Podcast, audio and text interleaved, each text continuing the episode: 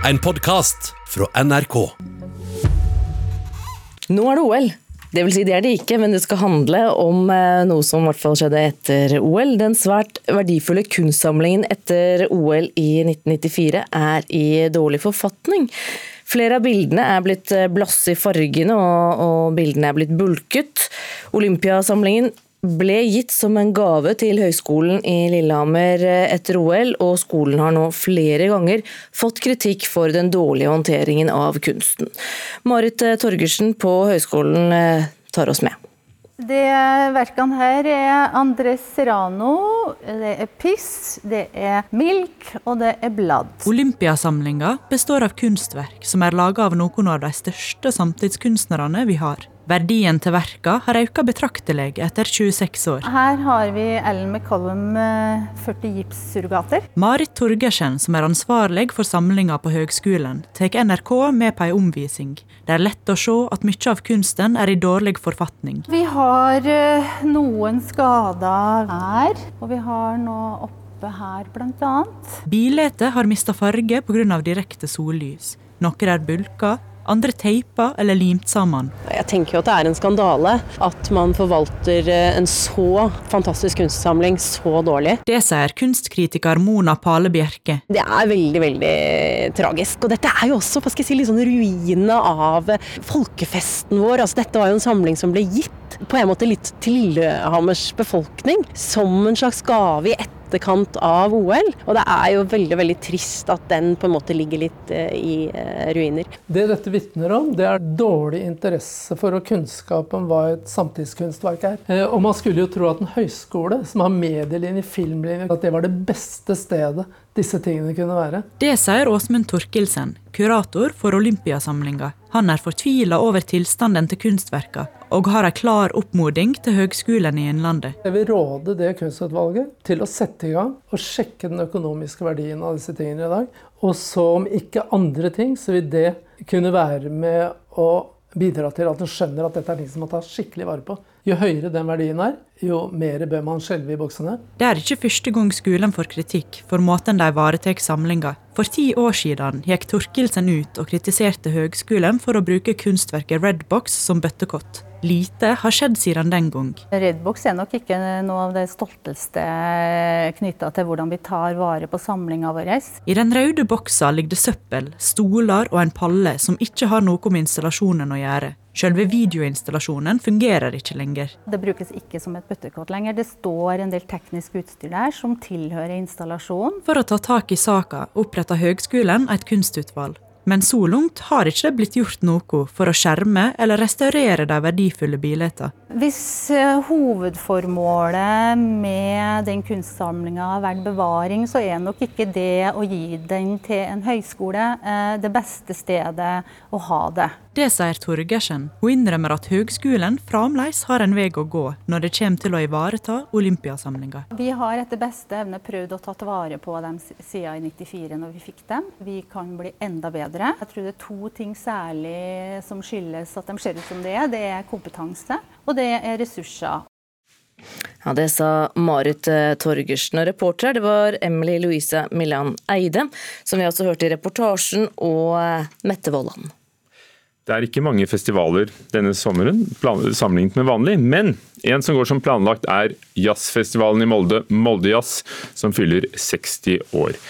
Det blir et litt eh, avkortet program denne uken, og festivalsjefen er forberedt på at det blir selvfølgelig litt annerledes enn vanlig. Reporter Silje Kilmark Vemøy, hva slags festival kan folk forvente seg? Ja, nå står vi her midt i hjertet av Molde, og her pleier det jo å syde av folk i denne uka her. Men i år så blir det nok litt annerledes, og festivalsjef Hans Olav Solli. De fleste festivaler i år de er avlyst, men det blir Moldejazz. Hvorfor det? Ja, Det er et lite eventyr at vi fikk til her. Vi gikk jo med gigantiske planer om en eh, helt storslått 60-årsfeiring, eh, den feiringen av den 60. festivalen. Så var det med oss og mange andre. Vi trodde vi måtte avlyse, men så ble det et mulighetsrom der, skapt 30.4 om de nye eh, reglene som kom da, om at man faktisk kunne fra 15.6 arrangere opp til, for opptil 200. Og Det var et mulighetsrom som vi bestemte oss for å gripe. Og nå har vi altså en festival her med 5 35 billetterte konserter, til sammen 45 arrangement. Over 3000 solgte billetter. Og det gjør oss kanskje det Norges største festival faktisk i 2020. Men hvordan blir årets festival sammenligna med det folk er vant til? For det er jo mange som går på festival her år etter år etter år. Ja, det er klart eh, De helt store folkefestkonsertene kan jeg si, oppe på Romsdalsmuseet og også i Alexandraparken, de blir jo ikke i år. Men eh, alt som skjer inne på Bjørnsonhuset og i eh, domkirka her på plassen, det er jo ting som, som på en måte ja, Kjernepublikummet, for dem som er interessert i det som er virkelig kjernen av det vi holder på med, jazzen, de eh, fryder seg jo kanskje litt over det her også. Det er en festival som faktisk noen har, har snakka om at eh, sånn vil de gjerne ha det. Så kanskje det kommer et, eh, flere publikummere på den sida i år. Og så må jeg ta det kjedelige spørsmålet. Hvordan løser dere smittevernhensyn? Ja, Det er mange hensyn å ta der, og informasjon er veldig viktig. Vi sender ut detaljert informasjon til alle som har kjøpt billett om hvordan de skal forholde seg. Og det er selvfølgelig salkart overalt, til og med ute her på taket, og benkene i domkirka har fått salkart. Og det, det sprites selvfølgelig, og vi har hyggelige vakter som passer på at det ikke blir for mye trengsel i køen, ikke minst det er veldig viktig. Og også viktig etterpå at uh, vi gir informasjon til folk, og at man forholder seg med litt avstand når man går ut og i hele tatt. Altså, vi, har, vi, vi, tror vi har det her veldig på stell nå, altså. Så bra. Du, Fortell litt om programmet for festivalen, da, for nå blir det jo veldig masse norske artister. Ja, og norsk jazz er jo helt fremme i verdensmålestokk, så det er jo noe galt med det. Og det er klart, Når det ikke ble John Zorn som artist in residence, så er det vel ikke noe flottere enn at Karin Krogh, som spilte på den første festivalen i 1961, nå er artist in residence og skal gjøre fire konserter på den 60. festivalen. og Det er jo rett og slett fryktelig stas. Og så har vi masse bestillingsverk, masse spesielt sammensatte band, bestillingskonserter, eh, ting som, eh, som kjennetegner oss, og som går sin gang i år også, faktisk. Og de som ikke fikk billett, da? Har dere en plan for dem? Ja, det er jo faktisk eh, sånn at vi strømmer ti konserter for festivalen. Så det er bare å gå inn på hjemmesidene våre der programmet ellers ligger, og kjøpe seg en rimelig strømmebillett. Så kan hele, festival, hele festivalen, hele familien, se konsert for 149 kroner. Og eh, så det er en, en, god mulighet. Og så er det også litt billetter igjen eh, utover i uka, så det er bare å sjekke ut hva som faktisk er mulig for dem som har mulighet til å komme hit. Takk skal du ha, festivalsjef Hans Olav Solli. Da er det bare å ønske lykke til. Den varer fra mandag og til lørdag, festivalen. Det kommer masse bra norske jazznavn, så lykke til og gratulerer med jubileum. Men Tusen takk for det. Silje Kilmark Vemøy, vår reporter på, i Molde. Hvordan er, hvordan er været på denne første åpningsdagen? Du, Været er ja, hva skal vi si? Det er en litt sånn blanding av alt mulig på en gang. Skyer, sol og litt sånn eh, kjølig temperatur. Jeg står jo her i en ganske god, varm ytterjakke, da. Ja. Så får vi se hvordan det blir når kulturministeren kommer for å åpne det hele på taket av, av Jazzhuset senere i dag. Takk skal du ha.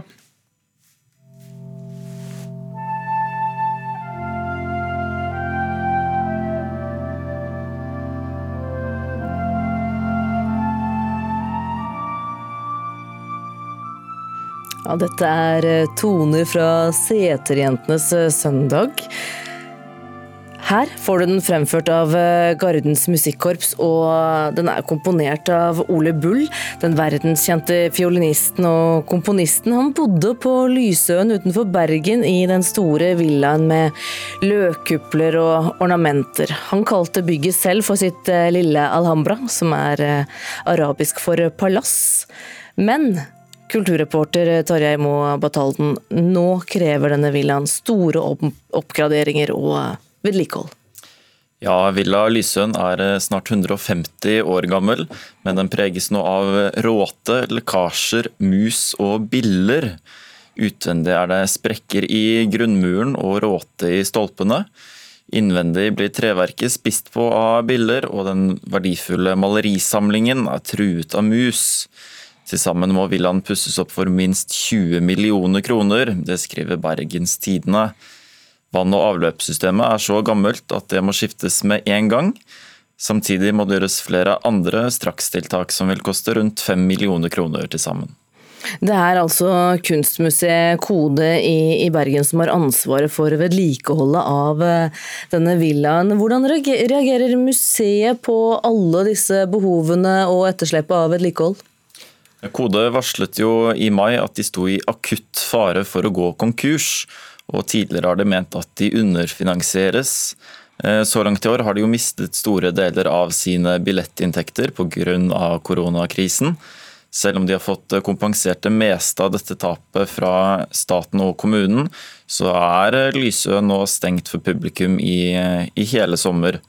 Hvis villaen skal settes i god stand igjen, kommer det til å koste hele 40 millioner kroner.